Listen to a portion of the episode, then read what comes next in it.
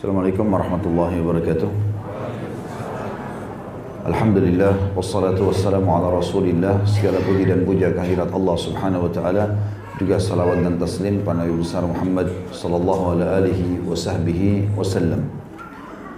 Melanjutkan pada buku kita beginilah mendidik anak. Beginilah seharusnya mendidik anak panduan mendidik anak sejak masa kandungan hingga dewasa berdasarkan Al-Quran dan Sunnah dan kita masih dalam bahasan sumber dan pedoman pendidikan anak.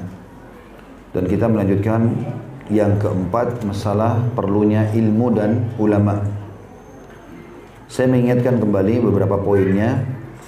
Di antaranya riwayat Muadz bin Jabal radhiyallahu anhu yang sudah kita bahas pertemuan sebelumnya beliau mengatakan belajarlah. Sebab mencari ilmu adalah suatu kebaikan dan bagian dari ibadah. Hadir di majlis ilmu seperti ini, kita bekali diri kita, punya ilmu agama, tahu halal haramnya Allah, tahu panduan-panduan wahyu, itu adalah sesuatu ibadah. Asal diniatkan karena Allah, dan akan memudah kita mendidik anak tentunya nantinya. Serta mendakwakannya kepada orang lain merupakan bagian dari takarrub atau pendekatan diri kepada Allah subhanahu wa ta'ala yang bisa menambah sumber pahala kita. Kita sendiri kalau belajar dapat pahala. Kalau kita ajarkan kepada orang lain kita akan menambah sumber pahala itu. Karena orang lain kalau mengamalkan akan menjadi tambahan amal pahala buat kita. Lalu beliau mengatakan ilmu merupakan menara jalan para calon penghuni surga. Semua orang yang ingin masuk surga, ilmu adalah jembatannya. Teman di kala kesepian, pendamping dalam pengasingan, teman bersanding di kala berduaan, petunjuk pada saat bahagia dan gundah. Semua itu fungsi ilmu. Dan penjaga ketika sepi, serta senjata ampuh untuk melawan musuh. Allah mengangkat satu kaum dengan ilmu tersebut hingga menjadi panutan dan perbuatan mereka diikuti. Ilmu adalah sumber kehidupan hati dari kebodohan, lampu penerang bagi jalan kehidupan dari kegelapan dan sumber kekuatan tubuh dari kelemahan serta sebagai pengantar seorang hamba menuju pintu gerbang kemuliaan di dunia dan juga di akhirat. Berpikir tentang ilmu sama dengan puasa. Muzakara atau mengulangi bahasan-bahasan pelajaran yang sudah dipelajari sama dengan pahala qiyamul lail. Maka ilmu sebagai sarana untuk menyambung silaturahim dan untuk mengenal halal haram.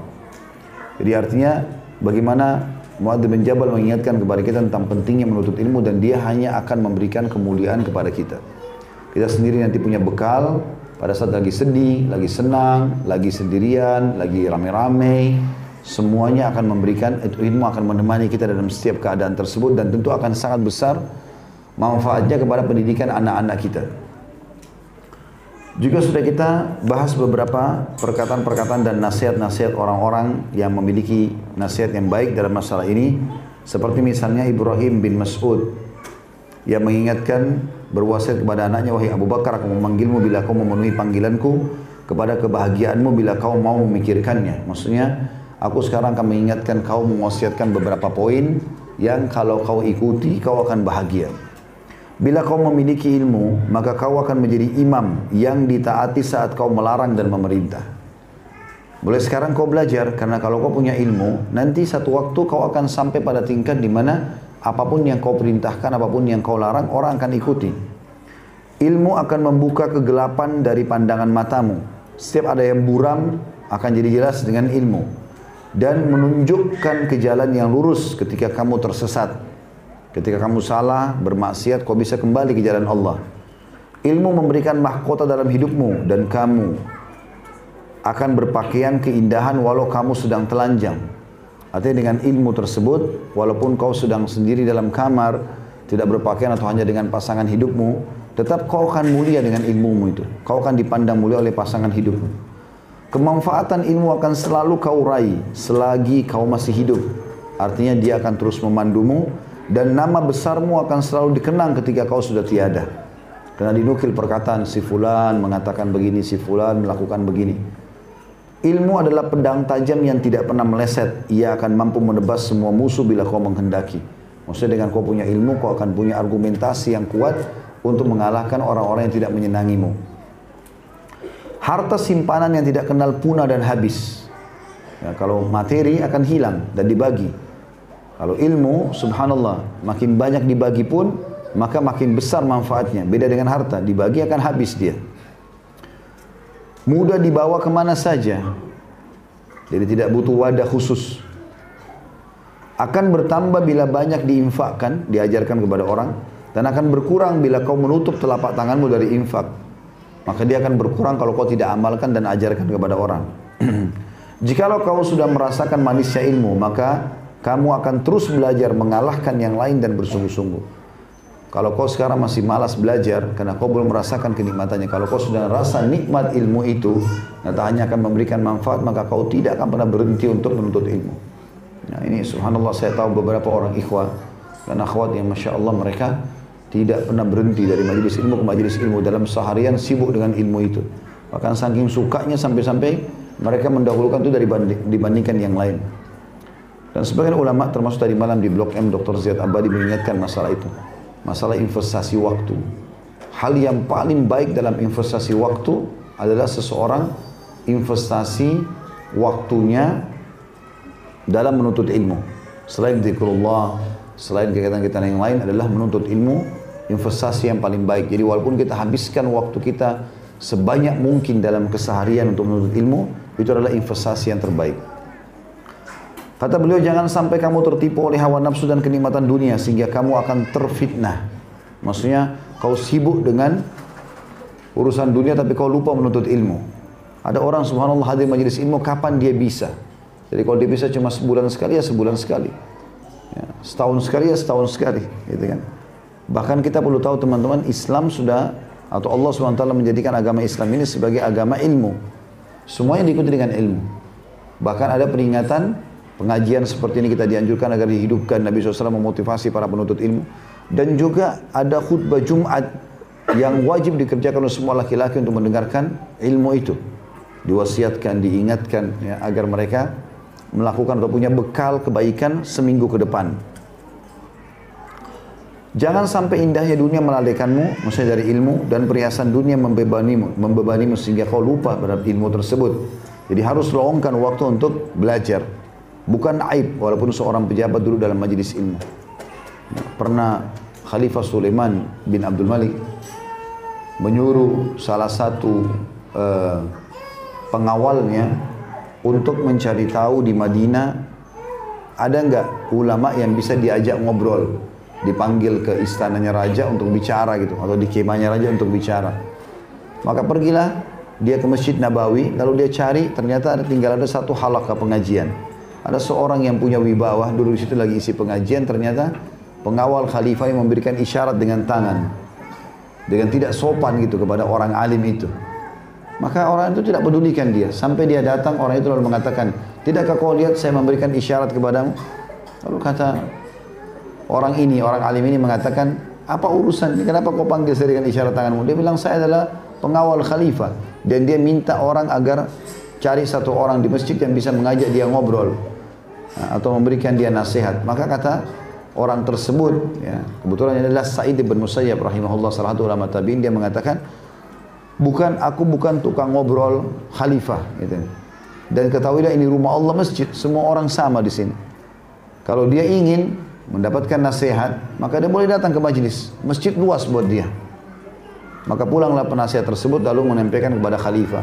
Lalu khalifah mengatakan, andai saja kau tidak mendatangi orang itu. Karena dia adalah Sa'id bin Musayyab gitu kan. Karena dia subhanallah dengan ilmunya dimuliakan. Bahkan khalifah pun segan dengan dia. Dan dia mengatakan bahwasanya majlis luas untuk siapa pun. Artinya biarpun dia khalifah silakan datang belajar. Bukan aib itu. Kemudian kata beliau, ruhmu akan sampai kepada derajat ketinggian. Maksudnya pada saat kau meninggal, walau kau tidak makan dan tidak minum. Tetaplah istiqomah dan ambillah sikap kesungguhan. Sebab bila Allah memberimu ilmu, kamu akan merasakan manfaatnya. Bila kau diberi ilmu yang banyak, maka umat manusia akan berkata, sungguh engkau menjadi orang alim. Maka jangan terlena dari pertanyaan Allah atas pujian itu. Betulkah engkau telah alim? Inti ilmu adalah takwa kepada Allah dengan sungguh-sungguh, bukan perkataan orang kamu sudah menjadi tokoh. Maksudnya adalah kalau kau ikuti nasihatku ini, karena satu waktu kau belajar terus sampai kau menjadi seorang alim, Akhirnya orang-orang akan mengatakan, oh si fulan itu ulama, itu alim, itu syekh, itu kiai, itu ustadz dan seterusnya. Maka ingat, jangan terlalaikan dengan puji-pujian itu. Kau perlu tanyakan dirimu sendiri, apakah kau memang sudah seorang alim dalam arti kata faham ilmu itu dan juga sudah mengamalkannya? Sebaik-baik pakaian adalah ihsan. Dan makanya beliau mengatakan inti ilmu adalah takwa. Kalau kau merasa dirimu, kau menilai bagaimana kau sudah berilmu, kau selalu bertakwa kepada Allah. Artinya sungguh-sungguh dalam mengerjakan perintah dan meninggalkan larangan. Dan ketahuilah sebaik-baik pakaian adalah ihsan. Merasa diawasi oleh Allah. Namun kami melihat kamu telah mengenakan pakaian kehinaan. Maksudnya kalau kamu tidak melakukan ihsan itu, maka secara otomatis kau akan menggunakan pakaian kehinaan. Bila keilmuanmu tidak bermanfaat, maka lebih baik kamu tetap dalam keadaan bodoh. Kalau kau sudah belajar tapi tidak bisa memberikan manfaat kepadamu tidak ada gunanya. Maka sebaiknya kau ya, menjadi orang bodoh saja. Tidak ada bedanya antara orang yang berilmu tidak mengamalkan dengan orang bodoh yang tidak punya ilmu sama sekali. Apabila pemahamanmu berada dalam kesesatan, maka alangkah baiknya bila kamu tidak faham. Artinya kau harus belajar dari sumber yang benar supaya kau tidak sesat. Karena kalau kau buangkan waktu juga untuk belajar ternyata dari aliran sesat, pemahaman yang salah, maka akan bermasalah buat kamu, tidak ada manfaatnya. Suatu saat keilmuanmu akan berbicara di tengah umat dan akan ditulis orang apa-apa yang kamu sembunyikan. Dalam arti kata, kalau kau tetap dalam keadaan yang baik, ikhlas, maka nanti ilmu akan bermanfaat ditulis oleh orang-orang dan dinukil tentang kamu. Imam Malik juga berkata tidak boleh mengambil ilmu dari empat orang dan boleh dari selain mereka. Nanti kita akan lanjut hari ini dengan perkataan Imam Syafi'i ya. Ini terakhir yang kita bahas perkataan Imam Malik. Beliau mengatakan tidak boleh mengambil ilmu dari orang bodoh dan hilang akalnya. Jadi tidak boleh kita belajar dari orang yang tidak faham bidangnya. Belajar dari orang yang punya bidang. Jadi misalnya kita mau tanya hukum agama, jangan tanya kepada teman kita yang tidak faham. Atau tanya kepada kerabat kita, atau adik kita. Gitu kan. Atau maksud dalam masalah ini adalah bertanya pada orang yang bukan ahlinya. Misal kita sudah berumah tangga, bermusyawarah dengan orang yang belum berumah tangga. Ini nggak mungkin nyambung gitu kan atau kita ingin rumah tangga kita langgeng, masalah yang sedang kita hadapi kita ingin pecahkan, ternyata kita bertanya kepada janda dan duda yang cerai, yang gagal dalam rumah tangga, maka ini tidak sampai pada tempatnya. Jadi tidak boleh mengambil ilmu dari orang yang tidak faham tentang bidang itu atau gagal. Yang kedua tidak boleh dari ahli bid'ah. Ahli bid'ah yang mengajak kepada kebidaannya. Ya, Pembidah adalah lawan sunnah. Mengajar-ngajarkan orang untuk berbuat ibadah tapi tidak punya rujukan wahyu. Yang ketiga orang berdusta dalam meriwayatkan ucapan manusia. Artinya dia sering mengarang-arang. Ya. Jadi subhanallah kita ini teman-teman tidak boleh berdusta walaupun bercanda. Ya. Misal hanya untuk membuat orang ketawa misalnya ya. Itu tidak boleh sama sekali. Kalau orang ketawa kebetulan memang kena kisah yang benar nyata tidak ada masalah. Tapi mereka ya saya ini ada larangan dalam hadis Nabi alaihissalatu wassalam. Yang keempat dan tidak boleh mengambil ilmu dari tokoh yang dianggap baik dan soleh namun tidak bisa memilah di antara hadis yang dia sampaikan. Ya, artinya dia dikenal tapi mungkin ada yang dinukil sama dia hadis yang tidak benar. Ya, pada saat diingatkan tidak mau dengar, tetap ngotot dengan kesalahannya ini tidak boleh diambil ilmu dari dia. Tapi kalau ada orang salah, umum banyak orang melakukan kesalahan misalnya, lalu diingatkan lalu dia kembali itu tidak ada masalah karena memang para ulama-ulama kita pun memiliki pendapat-pendapat yang memperbaiki pendapat mereka sebelumnya. Malik ibn Anas berkata, sesungguhnya ilmu itu adalah agama, maka lihatlah dari siapa kamu mengambilnya. Juga ada perkataan Badi'uz Zaman Al-Hamadani Al-Hamadani al, al, ya. Badi'uz Zaman Badi'uz Zaman Al-Hamadani berkata, ilmu memiliki sasaran yang sangat jauh. Tidak bisa diburu dan diraih oleh orang tercelah. Tidak bisa dilihat dalam mimpi. Tidak bisa dikendalikan dengan tambang. Dan bukan warisan nenek moyang maka ilmu ibarat sebuah tanaman yang tidak hidup kecuali di tanah yang dipelihara penuh kesungguhan atau diraih dari hujan taufik penuh dengan keberkahan atau dengan tabiat yang bersih dari penyelewengan atau semangat ruh yang terus menerus atau kesabaran sebagai siraman yang bermanfaat.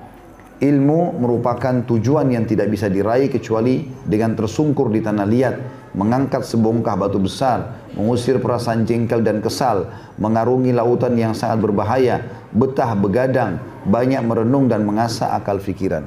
Jadi nasihat uh, Badrus Salam, Badius Salam sudah kita jelaskan pertemuan sebelumnya ya. Yaitu bagaimana orang kalau menuntut ilmu itu harus dengan serius, sungguh-sungguh, mendengar, ikhlas, ingin mempelajarinya, menulis apa yang perlu ditulis. Maka itu semua adalah hal yang bisa meraihkan orang pada ilmu tersebut. Tapi kalau orang malas, hanya sekedar kebetulan saja lewat, ya dianggap tidak penting, tidur. Ini semua ini tidak ada manfaat yang diambil dari dia. Atau dia tidak akan ada manfaat yang didapatkan. Itu semua yang sudah kita bahas pertemuan sebelumnya, saya cuma reviewkan saja. Kita akan masuk pada slide ini, semoga Allah berkahi. Lanjutannya adalah statement Imam Syafi'i rahimahullah. Diambil dari Diwan Imam Syafi'i di halaman 74. Beliau berkata, Aku melihat pemilik ilmu hidupnya mulia. Walau dia dilahirkan dari orang tua terhina. Misalnya ada orang tuanya terhina, melakukan perbuatan-perbuatan dosa, maksiat, mungkin terkenal pezina, segala macam pencuri. Tapi anak ini hidup menuntut ilmu. Sampai hanya menjadi seorang alim misalnya. Maka tidak akan berpengaruh keburukan orang tuanya pada dirinya. Berarti ilmu bisa mengangkat derajat orang walaupun dasarnya lahir di tengah-tengah lingkungan yang buruk.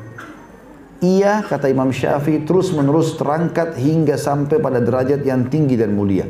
Kalau orang terus menerus tidak pernah berhenti belajar, maka makin dia belajar, makin diangkat derajatnya. Maka terus saja dia naik kepada tingkat-tingkat yang sangat tinggi dan termuliakan. Beliau mengatakan umat manusia mengikutinya dalam setiap keadaan, laksana pengembala kambing ke sana ke sini diikuti hewan peliharaan. Artinya orang akan jadikan dia sebagai panutan. Akhirnya orang ikuti semua apa yang dia lakukan gerak-geriknya dan itu bisa menjadi amal tambahan buat dia. Jikalau tanpa ilmu, umat manusia tidak merasa bahagia dan tidak mengenal halal dan haram. Dan sebaliknya kalau orang tidak punya ilmu, tidak mau belajar, apalagi sudah saya jelaskan di awal bab kita ini atau sub bahasan kita ini, ilmu tidak mengambil tempat atau ruang apa pun di diri kita. Kalau kita tadi belajar, atau saya pernah jelaskan tadi, kalau kita belajar sekali begini kepala kita jadi dua kali lipat, kita belajar lima kali jadi lebih besar lagi. Mungkin sebulan kita belajar seperti masjid ini besarnya kepala, mungkin wajar orang tidak belajar. Tapi nggak ada sama sekali. Sebanyak apa pun kita ambil ilmu, maka tidak mengambil ruang apa pun dalam diri kita. Dia hanya akan menambah manfaat, memberikan kemuliaan, baik diri kita sendiri jadi faham atau orang lain pun akan memuliakan kita karena tahu kita berilmu. Belum lagi di sisi Allah Subhanahu wa taala akan dapatkan pahala yang sangat besar ya dan jalan ke surga tentunya. Imam Syafi'i juga berkata di dalam statement yang lain, di antara keutamaan ilmu kepada orang yang menuntutnya, semua umat manusia dijadikan sebagai pelayannya. Arti kata orang datang menghormatinya, walaupun dia tidak kenal, karena ilmunya. Wajib menjaga ilmu laksana orang menjaga harga diri dan kehormatannya. Jadi wajib kita menjaga supaya punya jadwal pengajian, rutin kita hadiri, itu sama dengan Bapak Ibu menjaga nama baiknya. Karena dengan kita berilmu kita akan dihormati. Maka rutin menghadiri majelis ilmu, mendalaminya, menekuninya, ya serius dalam mengamalkan, maka itu adalah sama kedudukannya dengan menjaga harga diri dan kehormatan. Siapa yang mengemban ilmu kemudian dia titipkan kepada selain ahlinya karena kebodohannya dia akan mendoliminya. Ya, dalam arti kata di sini kalau seandainya ada orang mengemban ilmu lalu dia ya, mengajarkan bukan pada orang-orang yang mau menuntut ilmu. Misal dia teriak-teriak aja di pinggir jalan. Orang dengar nggak dengar nggak ada masalah buat dia. Enggak, itu bukan, tidak tepat. Karena ilmu itu mulia dia harus muliakan. Diadakanlah pengajian, Masya Allah seperti ini misalnya di sebuah masjid, disiapin tempat, ada panitia, disiapin tempat untuk perempuan, untuk laki-laki, mikrofon yang cukup, Masya Allah pendinginan yang cukup. Maka membuat ilmu itu sendiri orang jadi tertarik untuk mendatang, datang dan belajar. Dan ini hanya memuliakan ilmu itu sendiri. Bukan orang membuangnya begitu saja kata Imam Syafi'i rahimahullah. Jadi jangan juga kamu mengajar pada hal-hal yang tidak akan memberikan manfaat kepada ilmu itu sendiri. Beliau juga berkata dalam statement yang lain, wahai saudaraku, ilmu tidak akan diraih kecuali dengan enam syarat. Dan aku akan ceritakan perinciannya di bawah ini. Cerdik. Ya. Maksudnya cerdas. Dia mau uh, memahami, dia mencerna. Kalau dia tidak paham, dia tanyakan. Namanya cerdas. Perhatian yang tinggi. Perhatian yang tinggi ini masuk dalam terlihat dari bagaimana upaya dia untuk menyiapkan perangkat-perangkat ilmu itu. Kayak kita sekarang beda buku, dia beli bukunya. Ya. Kalau ada uh, pulpen dicatat sama dia manfaat di sekitar sekitar bukunya sehingga ada catatan-catatan tulisan dia oh ini ditambah dengan kisah ini oh ini ditambah dengan hadis ini oh ini disebut ditambah dengan ayat dari surah ini misalnya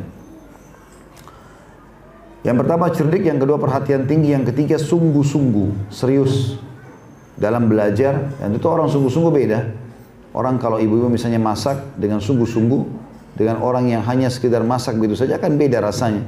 Orang sungguh-sungguh itu akan menyiapkan semua bahan-bahannya yang berkualitas. Dia juga akan mengatur waktu masaknya. Dia juga akan mengatur penataannya. Supaya orang yang makan akan merasakan kenikmatan makanan tersebut. Dan dia punya kepuasan sendiri dalam dirinya.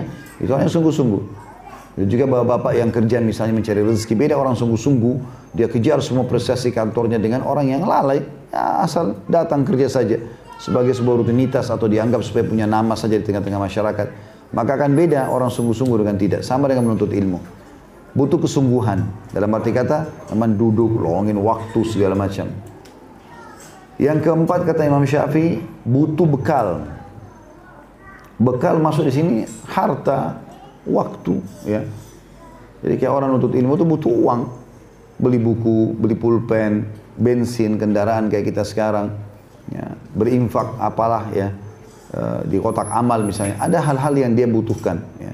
sampai sebagian salaf mengatakan tidak akan pernah bertemu antara orang yang malas dengan ilmu dan orang yang pelit dengan ilmu jadi tidak akan ketemu dia harus memang investasi di situ waktunya dan juga hartanya kemudian yang kelima bergandeng dengan guru. Dalam arti kata memang selalu memperhatikan guru yang mengajarnya kemudian dia praktekin apa yang dipraktekin oleh gurunya tadi. Dan yang keenam terakhir adalah panjang masanya. Tidak cukup dengan sekali dua kali. Jadi kalau bapak ibu bisa buat setiap hari tidak ada hari tanpa ilmu itu sangat bagus.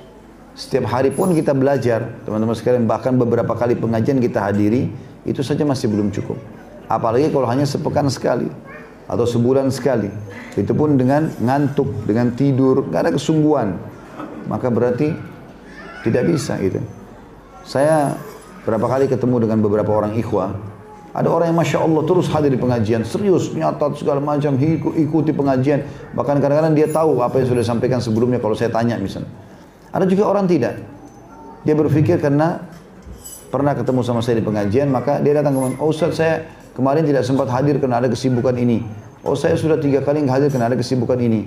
Saya cuma bilang sama mereka, kalau selalu bahasanya kesibukan, maka kita tidak akan pernah habis dari kesibukan. Tapi memang harus kita lowongkan dan masukkan dalam program hidup kita, majelis ilmu ini harus saya hadiri. Apalagi kalau kontinu bahasan supaya tidak hilang. Sekali pertemuan tidak dihadiri sudah sekian banyak ilmu yang hilang dari kita. Maka selalu saja dijadikan sebagai program hidup. Jadi ini enam hal yang beliau mengatakan ilmu tidak akan diraih kecuali dengannya. Cerdik, perhatian yang tinggi, sungguh-sungguh, bekal, bergandeng dengan guru dan juga panjang masanya. Jadi makin lama kita menuntut ilmu makin besar makin besar manfaatnya. Imam Syafi'i juga berkata soal ilmu ya, dalam statement yang lain setiap ilmu selain Al-Qur'an akan menyibukkan diri kecuali ilmu hadis dan fikih dalam beragama.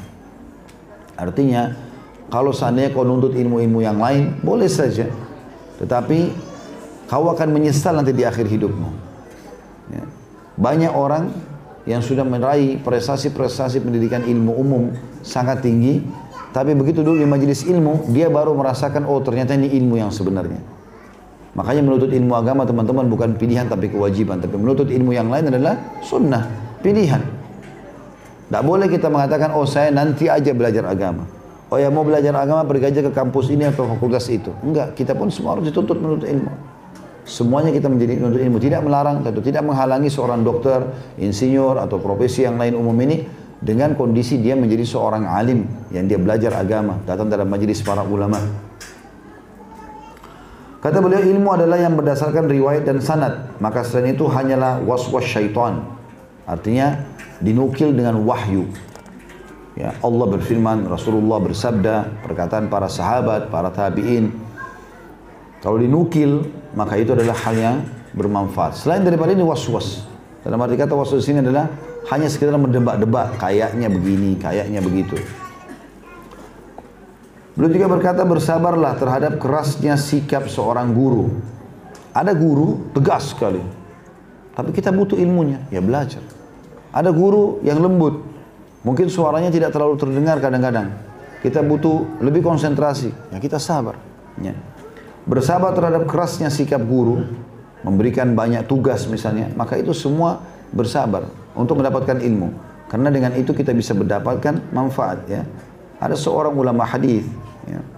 Itu di zaman dulu ya, zaman tabi tabiin, itu kalau dia ngomong, mohon maaf ini, memang keadaannya begitu, dia bicara itu ludahnya sering kepercik kalau dia ngomong. Tapi muridnya banyak. Yang hadir situ adalah penuntut-penuntut ilmu saja. Sampai mereka mengatakan, kami demi untuk mendapatkan ilmu, karena biasa suaranya agak kecil, kami mendekat. Dan itu kemungkinan besar ya, mungkin memang karena ada penyakit apa. Tapi dia kalau ngomong sering membersihkan, maaf, air ludahnya. Sehingga akhirnya murid-muridnya pun terganggu dengan tapi mereka bersabar. Karena memang ada ilmu yang dia ingin dapatkan manfaatnya. Pernah satu waktu ada satu orang datang untuk menuntut ilmu hadis ke Irak, kemudian ditemukan gurunya mereka lagi marah. Ngambek nih. Nah, rupanya ada muridnya buat masalah, ngambek. Dia bersumpah atas sama Allah tidak akan mengajar sebulan. Gitu kan? Maka setiap habis sholat biasanya dia ngajar, tapi ini nggak ada, diberhentikan ngajaran itu. Sungguh sampai sebulan baru dia mau ngajarin hadis.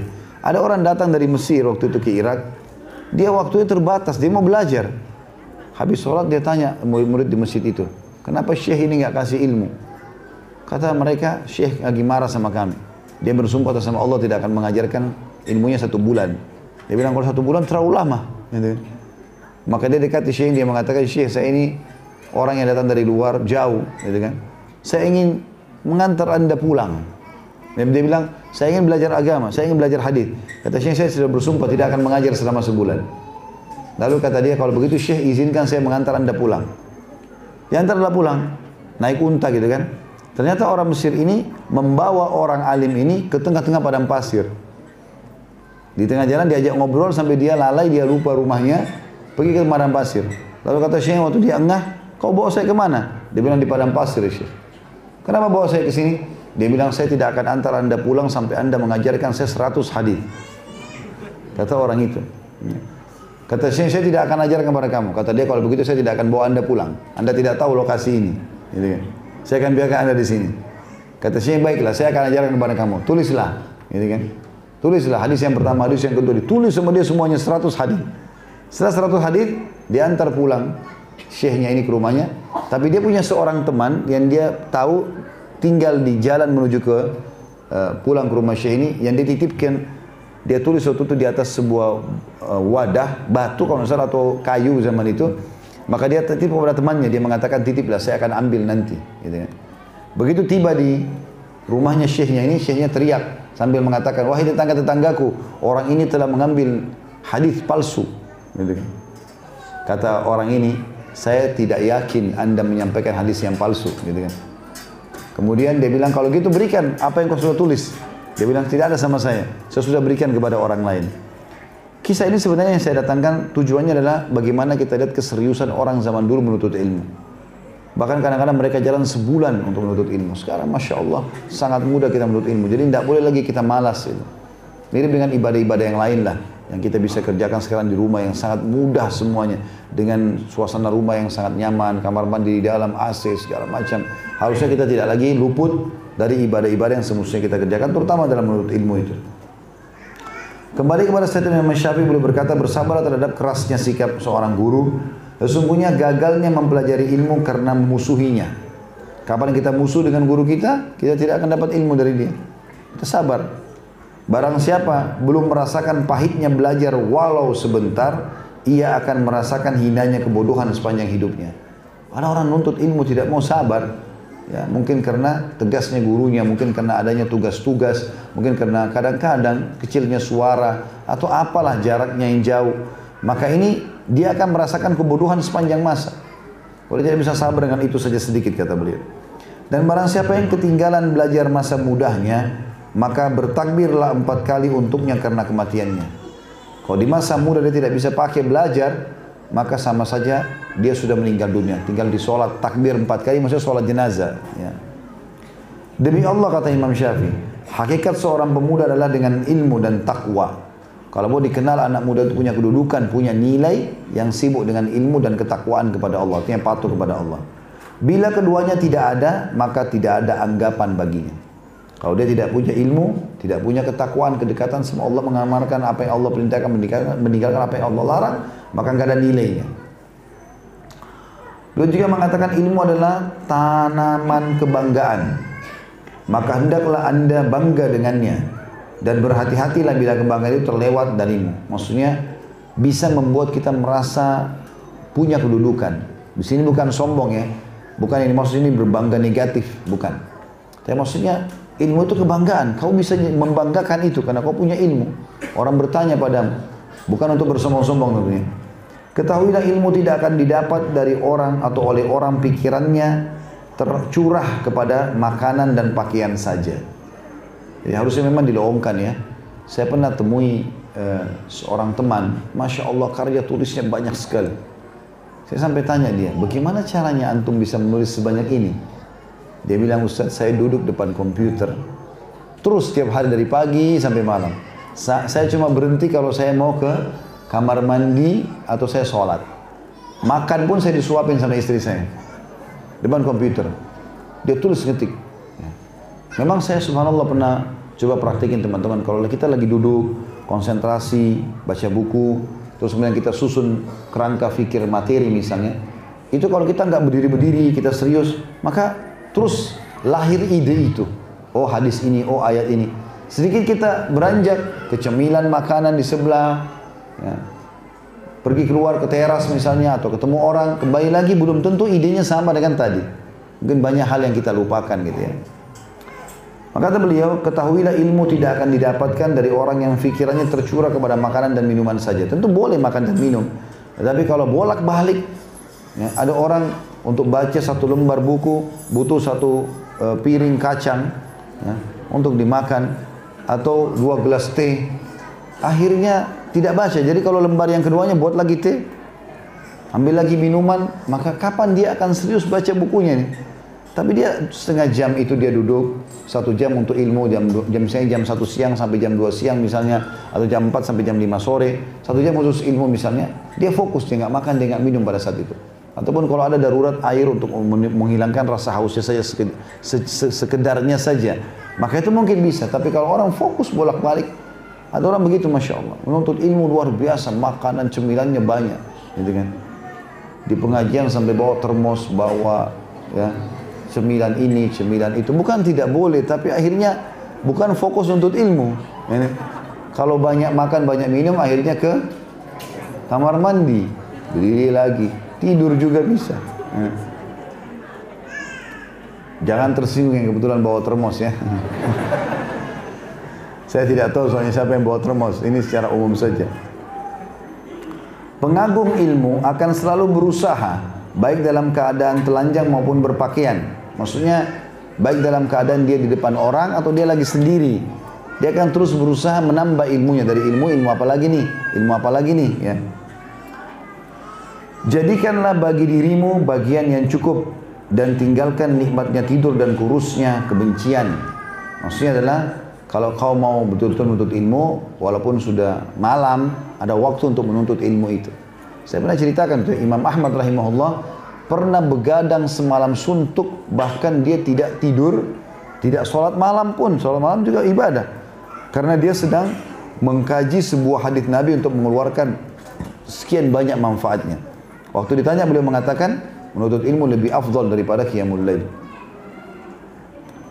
Imam Nawawi rahimahullah itu kalau tidur malam, ini Imam Nawawi ya, umurnya meninggal belum 40 tahun, tapi karya tulisnya luar biasa. Siapa yang tidak kenal dengan hadis Arba'in Nawawi, Riyadus Solihin, buku-buku beliau, Majmu' An-Nawawi, banyak ya buku-buku yang beliau tulis rahimahullah itu meninggal belum 40 tahun. Bahkan kalau tidak salah dalam kisahnya beliau tidak sempat menikah karena sibuknya dengan ilmu. Suka sekali majelis ilmu sana majelis ilmu sini. Beliau satu hari itu belajar kalau tidak salah dari 13 orang guru jadi kayak bapak ibu gitu pengajian begini tapi 13 ustadz satu hari itu berat dan dua jam, dua jam, dua jam misalnya habis waktu semua. Tapi subhanallah dilakukan itu. Ya. Mungkin tidak harus dua jam satu guru, mungkin satu jam ya. Karena kalau eh, apa namanya 13 guru Dua jam satu guru kan berarti 26 jam lewat satu hari gitu kan. Tetapi kalau mungkin dia hadir di sini, hadir di situ mungkin setengah jam, satu jam, dengarkan tausiahnya, wasiatnya. Maka itu besar manfaat dan Imam Nawawi rahimahullah kalau tidur malam tidak pernah diranjang. Kalau beliau ya karena cintanya sama ilmu. Tidur sambil berdiri. Jadi dia kakinya satu yang kanan e, sandar di tembok, tempat tubuhnya sandar tembok, kaki kirinya menopang tubuh. Sambil pegang buku terus tidur. Kalau beliau bangun, baca buku langsung. Hmm.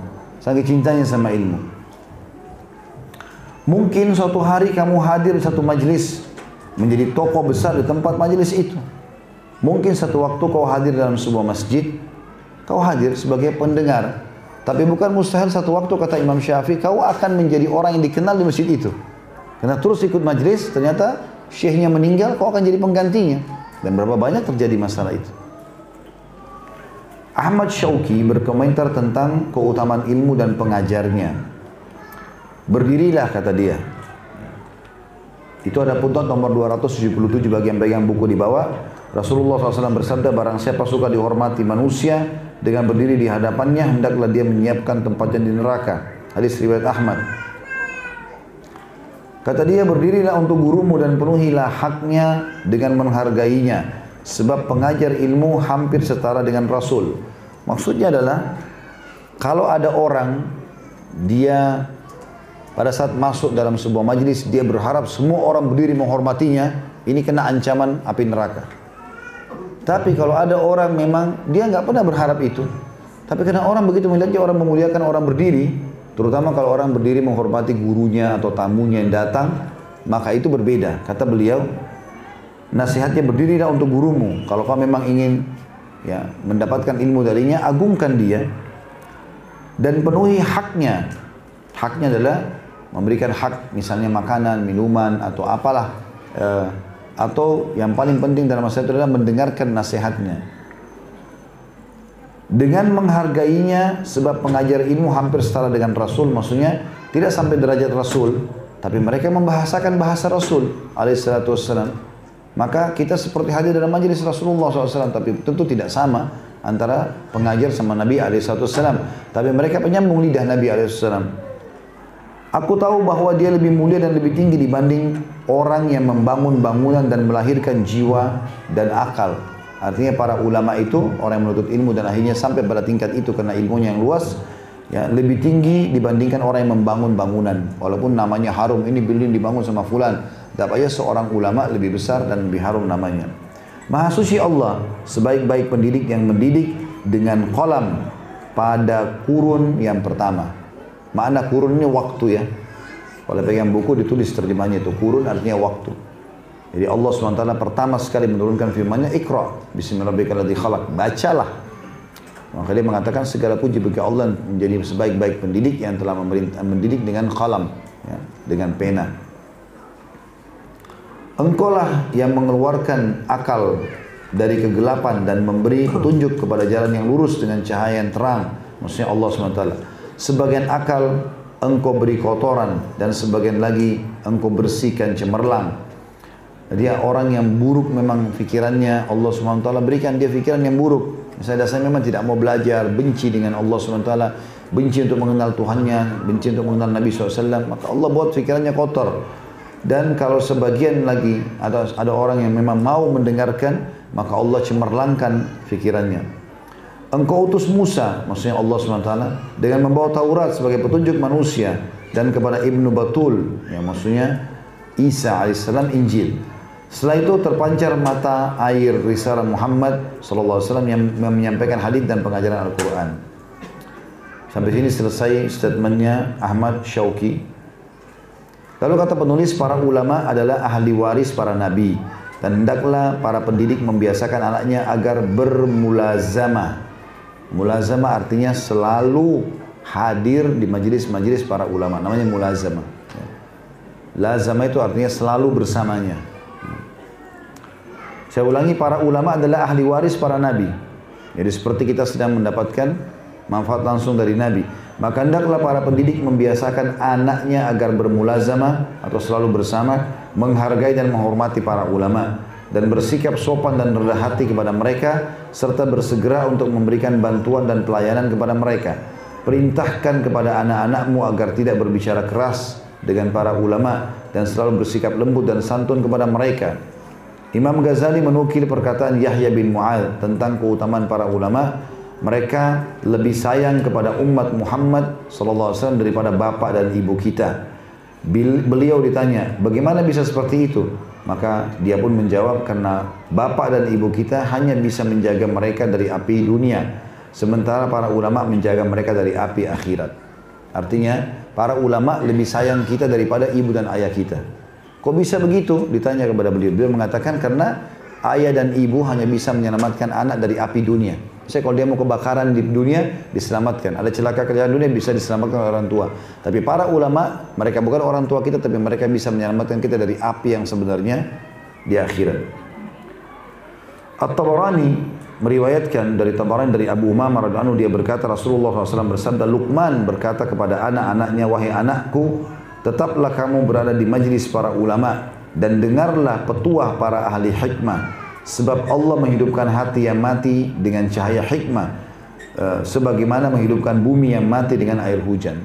Artinya kalau kau hidup duduk di dalam majelis ilmu, maka hatimu akan hidup, akan bersih, semangatmu akan uh, apa namanya berkembang. Kamu akan selalu untuk uh, terdorong untuk mengerjakan kebaikan-kebaikan dan kamu akan termotivasi untuk meninggalkan keburukan. Ya.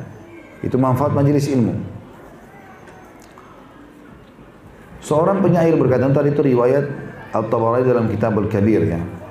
Seorang penyair berkata, tidaklah bangga kecuali bagi penuntut ilmu. Jadi tidak ada sesuatu yang bisa dibanggakan kecuali ilmu yang dimiliki oleh penuntut ilmu itu. Karena mereka berada di atas petunjuk bagi orang yang ingin mencari petunjuk. Hargailah setiap petunjuk ilmu karena orang-orang bodoh terhadap uh, pemilik ilmu menjadi musuh. Tidak ada yang memusuhi penuntut ilmu kecuali orang bodoh. Kalau orang pintar pasti dia akan cari ilmunya, bukan dia memusuhinya. Gitu. Jadi kalau ada teman-teman melihat seseorang memusuhi para ulama itu aneh. Tanya jawab. Itu itu itu, itu tanda tanya maksudnya. Tanda, tanda, tanda uh, jadi, jadi tanda tanya. Kenapa dia memusuhinya? Sementara dia bisa ambil manfaat ilmu darinya. Dia tidak memusuhinya. Gitu. Kalau dia musuhi berarti dia adalah musuh bagi kaum muslimin. Raihlah kesuksesan, raihlah kesuksesan dengan ilmu, niscaya kamu akan hidup terhormat selamanya. Maksudnya kejar ilmu tertinggi yang kau bisa, kau akan mendapatkan kehormatan. Dan semua umat manusia meninggal sementara ahli ilmu selalu hidup. Ya, karena tentu dengan meninggalnya dia ilmunya tetap bermanfaat. Jadi masih tetap dia seperti hidup sedang mengajar. Wahai saudara kata beliau dekatlah dengan ilmu dan para ulama dan biasakan anak-anakmu dekat dengan mereka semenjak masih kecil agar mereka terbiasa dengan adab dan akhlak para ulama sebab tidak akan merugi orang yang dekat dengan ilmu dan juga ulama. Ini sudah dua pertemuan kita bahas sebenarnya, pertemuan sebelumnya dengan pertemuan sekarang tentang masalah keutamaan ilmu. Dan mudah-mudahan teman-teman sudah bisa mengambil pesannya ya, bahwasanya penting sekali menuntut ilmu, hadir di majlis para ulama karena akan akan akan memunculkan kemuliaan dan kebaikan buat kita di dunia dan juga di akhirat tentunya. Yang kelima, sumber dan pedoman pendidikan Islam adalah bersanding dengan orang-orang soleh. Ini adalah sumber yang paling penting dalam pendidikan ilmu yang benar karena Allah telah menganjurkan kepada para pendidik dalam firman-Nya. Dalam surah Al-Kahfi ayat 28 A'udzu billahi minasyaitonir rajim wasbir nafsaka ma'al ladzina yad'una rabbahum bil ghadati wal 'ashyi yuriduna wajha wa la ta'du 'aynaka 'anhum turidu zinatal hayatid dunya wa la tuti' man aghfalna qalbahu an wattaba'a wala tuti man akfalna qalbahu an wa kana amru dan bersabarlah kamu bersama orang-orang yang menyeru Tuhan mereka di pagi dan senja hari di mana mencari atau mereka mencari wajahnya Allah keridhaan Allah dan janganlah kedua matamu berpaling dari mereka karena menginginkan perhiasan dunia atau kehidupan dunia dan janganlah kamu mentaati orang yang hatinya telah kami lalaikan dari mengingat kami serta menuruti hawa nafsunya dan keadaannya itu melewati batas. Di sini tentu agak berbeda. Kalau ada yang bertanya Ustaz apa bedanya antara bahasan poin 4 ya belajar dari para ulama atau ilmu dengan bersama dengan orang-orang soleh. Ada bedanya. Ya, bahwasanya bersama bahasan tentang masalah ilmu dan ulama lebih khusus dan ini lebih umum. Maksudnya kalau ulama kita datang menuntut ilmu dari dia. Kalau yang poin kelima ini adalah bersama dengan orang soleh. Walaupun dia belum sampai pada tingkat seorang alim, tapi dia adalah orang yang soleh dekat dengan Allah Subhanahu Wa Taala. Ada ilmu sedikit diamalkan sama dia. Itu kita jadikan sebagai sahabat kita. Kita dimasukkan dengan poin kelima ini. Dan ini Allah mengatakan tadi dalam Al-Kahfi kita disuruh bersabar untuk jalan bersama mereka. Walaupun ibadah kita belum sama dengan mereka, tapi kita ingin menyerupai mereka. Kata beliau penduduk, eh, pendidik utama Muhammad SAW telah menganjurkan juga agar kita pandai-pandai memilih teman bagi anak-anak kita. Sebab hal itu memberi pengaruh yang sangat penting. Sebagaimana sabdanya Nabi SAW, Al-maru ala dini khalili, falyandur ahadukum man yukhalil. Seseorang tergantung agama temannya dan hendaklah salah seorang yang terkali memperhatikan siapa yang dia jadikan sebagai teman. Hadis riwayat Abu Dawud nomor 4833, Tirmidzi 2309 dan Ahmad jadi 2 halaman 303 dan 334. Artinya teman-teman sekalian, seseorang di antara kita dia sendiri juga harus pilih teman yang baik. Cari teman yang jauh lebih prestasi daripada kita. Baik urusan dunia ataupun akhirat. Dunia misalnya bisnis, dia lebih berhasil daripada kita.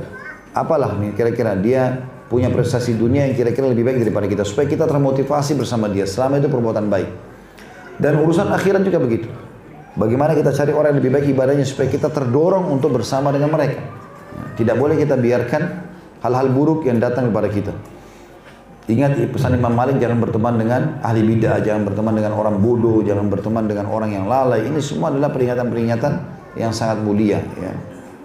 Juga dari sisi yang lain teman-teman sekalian, kita memilikan teman-teman yang baik buat anak-anak. Saya sudah dari awal buku ini membahas. Jangan pernah kasih pilihan kepada anak. Bapak ibu yang pilihkan anak-anak. Mau makanannya, mau minumannya, mau pakaiannya, mau sekolahnya, mau teman-temannya, mau kendaraan yang dia akan pakai, bapak ibu yang pilih. Beli, ini nak, pakai. Masak ini nak makanan. Jangan kasih pilihan nak mau makan apa mau pakai baju apa nggak usah. Bagaimana bisa kita umur 30 tahun 40 tahun menanyakan anak yang 5 tahun atau 6 tahun? Nggak bakal nyambung. Kita lebih tahu makanan apa yang dibutuhkan oleh dia minuman apa yang dibutuhkan oleh dia pakaian mana yang paling layak buat dia sekolah mana yang paling pantas buat dia bukan bukan bukan dia Emil ya banyak kesalahan pendidikan di sini ya ini sering saya ulangi nak kau mau sekolah di mana Dibawalah anaknya yang masih mau masuk SD ini, sekolah A sama sekolah B. Saya pernah kasih contoh itu kan, yang sekolah A temboknya warna hijau, sekolah B temboknya warna biru. Anaknya suka warna biru. Sekarang ditanya, nak, kamu mau sekolah yang mana? Yang itu ayah. Yang itu ibu. Kenapa? Dia suka warna temboknya saja. Dia nggak tahu jaraknya. Dia nggak tahu biayanya. Dia nggak paham kurikulumnya. Bagaimana bisa kita yang diatur? Ada kadang-kadang saya dengar begitu, suami istri jalan. Anaknya jalan di depan, dia mereka dua yang ikuti dari belakang. Ini siapa yang dewasa, siapa yang anak-anak? Bagaimana bisa orang tua ikuti anaknya jalan? Pegang anak itu ikut, gitu kan? Saya anak-anak saya di rumah, subhanallah. Mungkin kadang-kadang kalau saya tidak ada, istri saya mungkin berdidik dengan cara seperti itu. Kadang-kadang apa yang anak mau diikuti, kalau enggak nangis senjatanya. Begitu saya ada, berbeda, saya ubah semuanya. Ya. Kalau mau, mau jalan sini, nggak boleh, jalan ke sini. Dia diam, jalan sekarang. Kalau enggak, abadi enggak akan ajak. Saya langsung bahasakan, ayah, saya, saya, saya tidak akan ajak kamu. Tapi dengan bahasa saya, abadi tidak akan mengajak. Maka dia akhirnya merasa terancam, dia ikut akhirnya. Saya mengubah pola itu. Biasakan dia selalu ikut gitu. Dan saya ingatkan, nak, yang mengatur dan menga yang mengatur adalah orang tua, bukan anak-anak. Mereka dengar itu. Kalimat itu selalu didengar. Sehingga mereka tahu, kalau saya ada, pasti saya yang mengatur. Mereka tidak akan ambil keputusan. Paling tinggi mereka cuma negosiasi.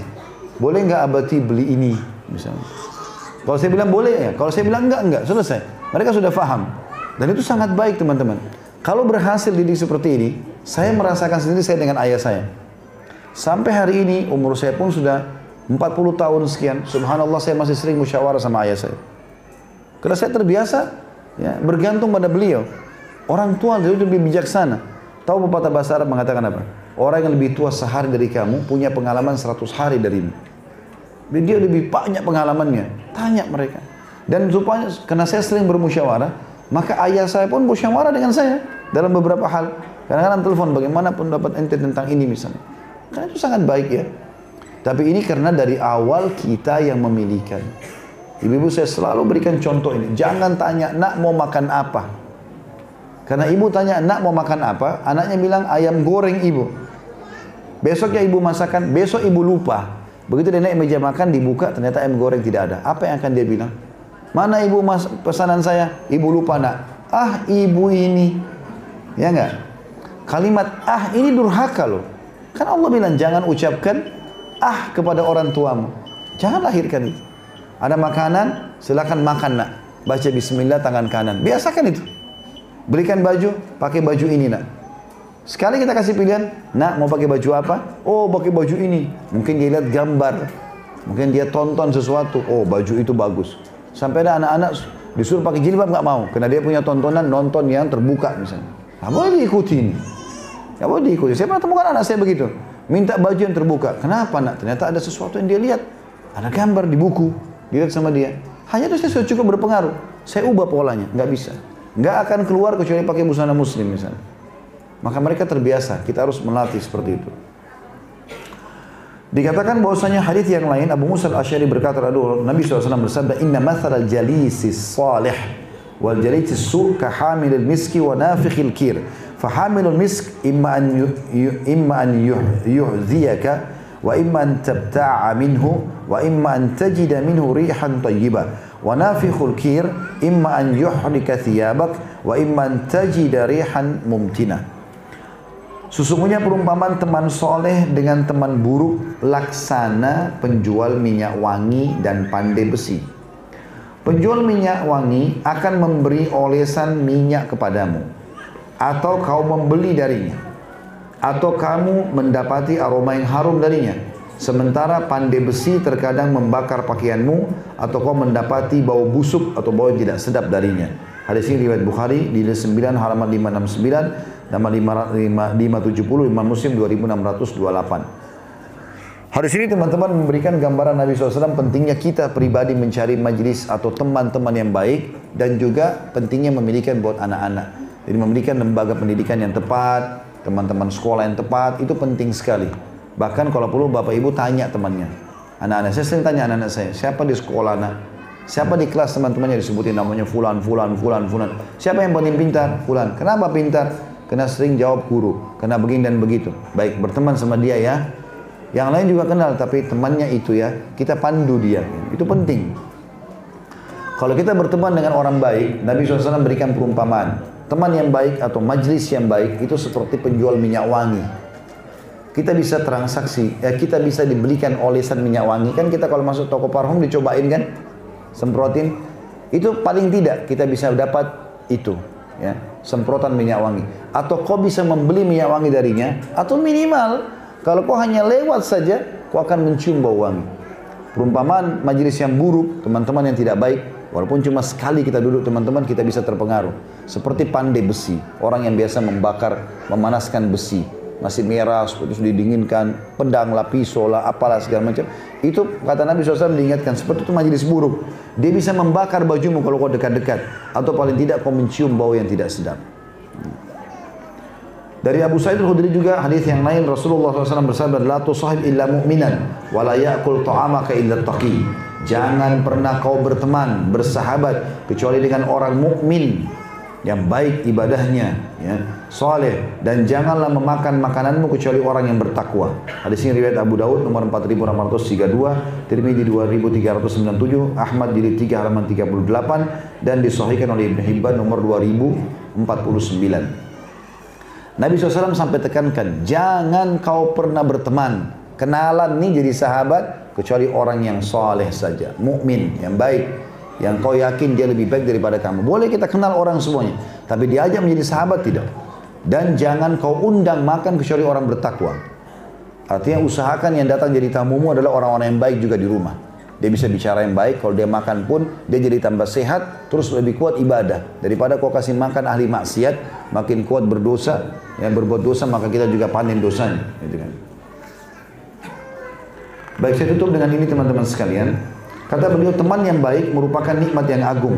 Sebab dia akan selalu mengingatkanmu kepada Allah ketika alpa, membantumu ketika sedang berzikir, menolongmu ketika kamu butuh, memberimu ketika kau meminta. Apabila kau ingin mengenali jati diri dan akhlak seseorang, maka lihatlah kepada teman-temannya. Jika teman-temannya orang yang baik, maka dia telah mendapat kebaikan yang sangat banyak.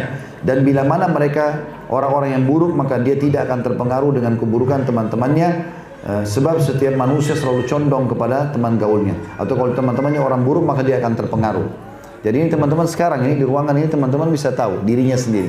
Anda baik atau tidak, lihat siapa teman kita, siapa sahabat kita. Kalau sahabat-sahabat kita orang baik semua berarti itu sudah positif, tinggal bertahan. Kalau teman-teman sekitar sekitarnya orang buruk, ya, cuma kita yang baik saja, ini akan tidak baik.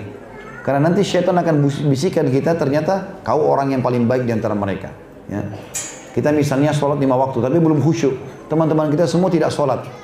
Maka kita akan merasa dari kita, saya masih mending daripada mereka. Saya cuma tidak khusyuk, tapi mereka tidak sholat sama sekali. Ini tidak boleh jadi perumpamaan ya. Karena saya bicara sama seseorang begitu. Kenapa nggak sholat akhi? Saya masih mending Ustaz. Saya masih sholat asar, teman saya nggak sholat sama sekali. Jadi jadi tolok ukur orang yang lebih buruk. Kapan dia mau sholat lima waktu kalau begitu? Gitu kan? Cari orang yang lebih baik tentunya. Penutupannya adalah hadis Nabi SAW dari Abu Hurairah anhu bahwasanya Nabi SAW bersabda an-nasu ma'adinu kama'adini dhahabi wal fidda khiyaruhum fil jahiliyah khiyaruhum fil islam idza faqihu wal arwahu junudun mujannada fama ta'arafa minhu talaf wa ma tanakara minhu ikhtalaf manusia itu ibarat barang tambang sebagaimana barang tambang emas dan perak yang terbaik di antara mereka pada masa jahiliyah adalah yang menjadi yang terbaik dalam Islam bila mereka faham agama. Dan ruh-ruh adalah pasukan-pasukan yang disusun. Bila saling mengenal, maka saling rukun. Dan bila saling mengingkari, maka saling berselisih. Hadis ini riwayat Bukhari jilid 6 halaman 263 dan Muslim 200 atau 2638. Maksudnya adalah manusia ini Allah SWT ciptakan memang ruhnya akan cenderung kepada yang seperti dia. Jadi misalnya orang yang biasa ke diskotik, ke karaoke, buat-buat dosa, jiwanya cari teman-teman yang begitu pasti. Mau nikah pun cari perempuan atau laki-laki yang seperti itu. Kalau orang biasa di majelis ini mau orang baik segala macam, maka jiwanya cenderung dengan orang-orang seperti itu. Dan Allah buat begitu. Kalau ada orang masa lalunya buruk kemudian sekarang dia hijrah menjadi orang baik, maka pasti sekarang dia akan cari teman-teman yang baik. Dia pasti akan tinggalkan teman-teman buruknya. Karena Allah sudah buat ruh kita itu seperti pasukan yang tersusun. Yang baik akan bersama dengan yang baik, cenderung yang buruk kepada yang buruk. Maka Bapak Ibu bisa jadikan tolak ukur. Sekarang kita suka berteman sama orang baik atau orang buruk. Di situ tolak ukur kita. Kalau ternyata jiwa kita suka dengan orang baik, berarti kita sudah baik. Tinggal bertahan saja, istiqomah. Kalau kita berteman sama orang buruk dan cenderung pada mereka, maka berarti kita buruk. Dan harus kita mengubah itu. Allahu'alam. Maaf sebelum salam saya perlu sampaikan ada dua pertemuan kita tidak saya tidak isi ke depan karena ada uh, turun dakwah saya di luar Indonesia insya Allah. Setelah itu kita akan kembali nanti di awal Oktober ya. Baik, begitu saja. Subhanakallahumma bihamdika asyhadu an la ilaha. Assalamualaikum warahmatullahi wabarakatuh.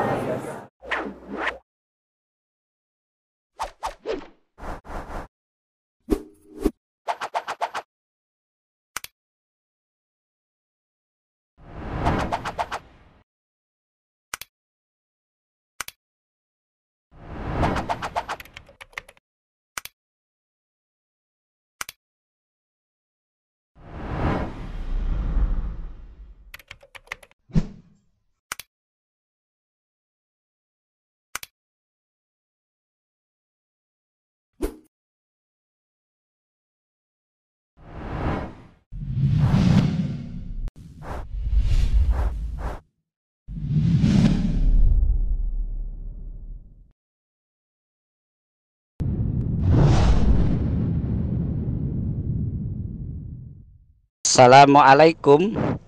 Untuk pemesanan paket umroh murah Bisa menghubungi 0821 4196 0857 Kami ulangi sekali lagi Untuk pemesanan paket umroh murah Bisa menghubungi 0821 4196 0857 Sekali lagi 0821 4196 0857 Terima kasih